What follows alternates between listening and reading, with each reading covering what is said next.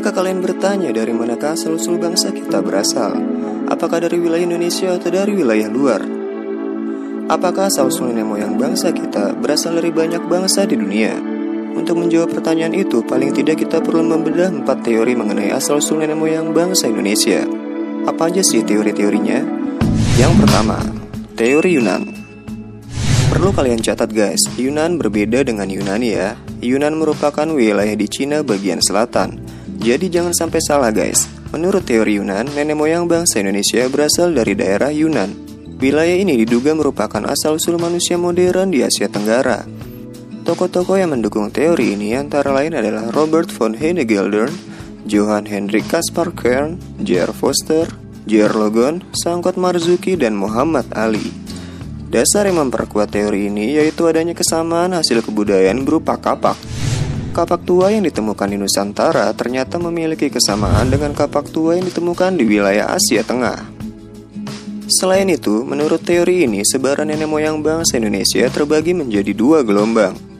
Yang pertama merupakan ras Proto Melayu yang membawa kebudayaan Neolitikum, dan yang kedua adalah ras Deutero Melayu yang membawa kebudayaan logam.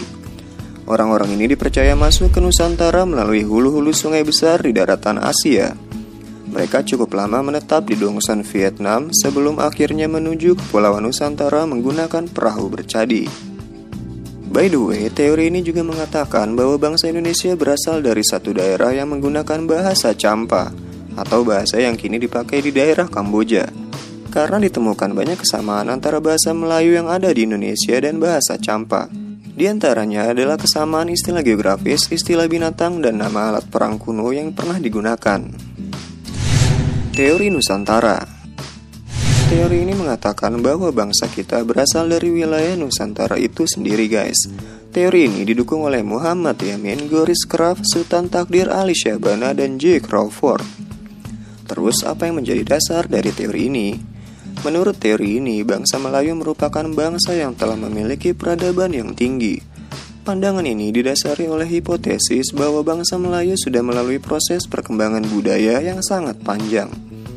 Kesimpulannya, bangsa Melayu berasal dan berkembang di Nusantara, bukan dari luar wilayah Nusantara.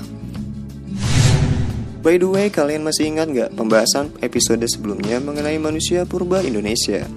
Tentang penemuan fosil Homo soloensis dan Homo wajakensis. Menurut teori ini, ada kemungkinan bahwa bangsa Melayu yang mencangkup wilayah Indonesia, Malaysia, Singapura, Brunei, dan sebagian Thailand merupakan keturunan dari Homo soloensis dan Homo wajakensis. Tidak ditemukannya fosil Homo soloensis dan Homo wajakensis di wilayah Indochina juga memperkuat teori Nusantara sekaligus menyangga teori asal-usul bangsa Indonesia yang berasal dari luar.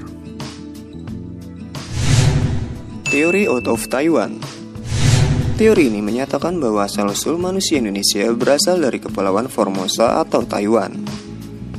Teori yang didukung oleh pakar Harit Truman Simanjuntak ini didasari sejumlah argumentasi. Pertama, menurut teori ini, tidak adanya pola genetika yang sama antara kromosom manusia Indonesia dengan manusia yang berada di dataran Tiongkok. Pendekatan genetika adalah penelusuran asal-usul manusia berdasarkan dengan penelitian kromosom maupun DNA-nya.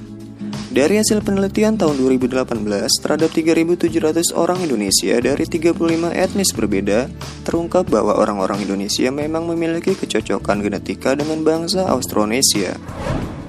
Secara harfiah, Austronesia artinya Kepulauan Selatan. Yang dimaksud dengan bangsa Austronesia adalah mencangkup etnis-etnis yang berada di Taiwan, sebagian Asia Tenggara hingga Kepulauan Pasifik. Berdasarkan teori out of Taiwan, migrasi leluhur dari Taiwan tiba lebih dulu di Filipina bagian utara sekitar tahun 4500 hingga 3000 sebelum Masehi. Selanjutnya hingga tahun 2000 sebelum Masehi, manusia yang mendiami Filipina melakukan migrasi lagi dengan tujuan Kalimantan, Sulawesi, dan Maluku Utara. Kemudian terus menyebar ke Pulau Jawa, Sumatera, Nusa Tenggara, Papua bagian barat, Oseania, bahkan hingga ke Madagaskar. Dasar lain dari teori ini adalah dengan pendekatan linguistik atau pendekatan bahasa. Bahasa yang digunakan dan berkembang di wilayah Nusantara adalah bahasa yang merupakan rumpun bahasa Austronesia. Pada dasarnya, pendekatan kebahasaan ini menyatakan bahwa asal-usul suatu bangsa dapat ditelusuri melalui pola penyebaran bahasanya, guys. Karena keseluruhan bahasa di Indonesia berasal dari Austronesia yang berkembang di Taiwan. Nenek moyang bangsa Indonesia pun kemungkinan besar berasal dari asal-usul yang sama dengan bahasanya itu. Teori Out of Africa Menurut teori Out of Africa, Homo sapiens atau manusia modern yang ada di Indonesia bahkan sebagian besar dunia berasal dari daratan Afrika. Di Afrika lah jalur Homo sapiens dilahirkan dan sejak saat itu mereka keluar dari Afrika dalam berbagai gelombang migrasi, mendiami sudut-sudut dunia yang belum terjangkau sebelumnya. Bentuk-bentuk Homo sapiens awal di luar Afrika hanya dianggap sebagai spesies terpisah yang kemudian punah. Adanya teori ini memang cukup membingungkan jika para ilmuwan tidak menjelaskannya dengan lengkap, guys.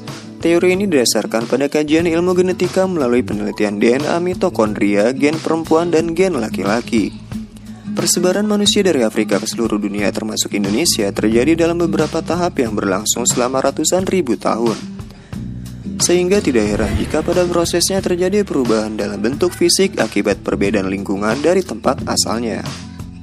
Teori ini didukung oleh Max Ingman dan Herawati Sudoyo, Menurut teori ini, sejarah manusia Indonesia sudah bermula sejak 72.000 tahun silam.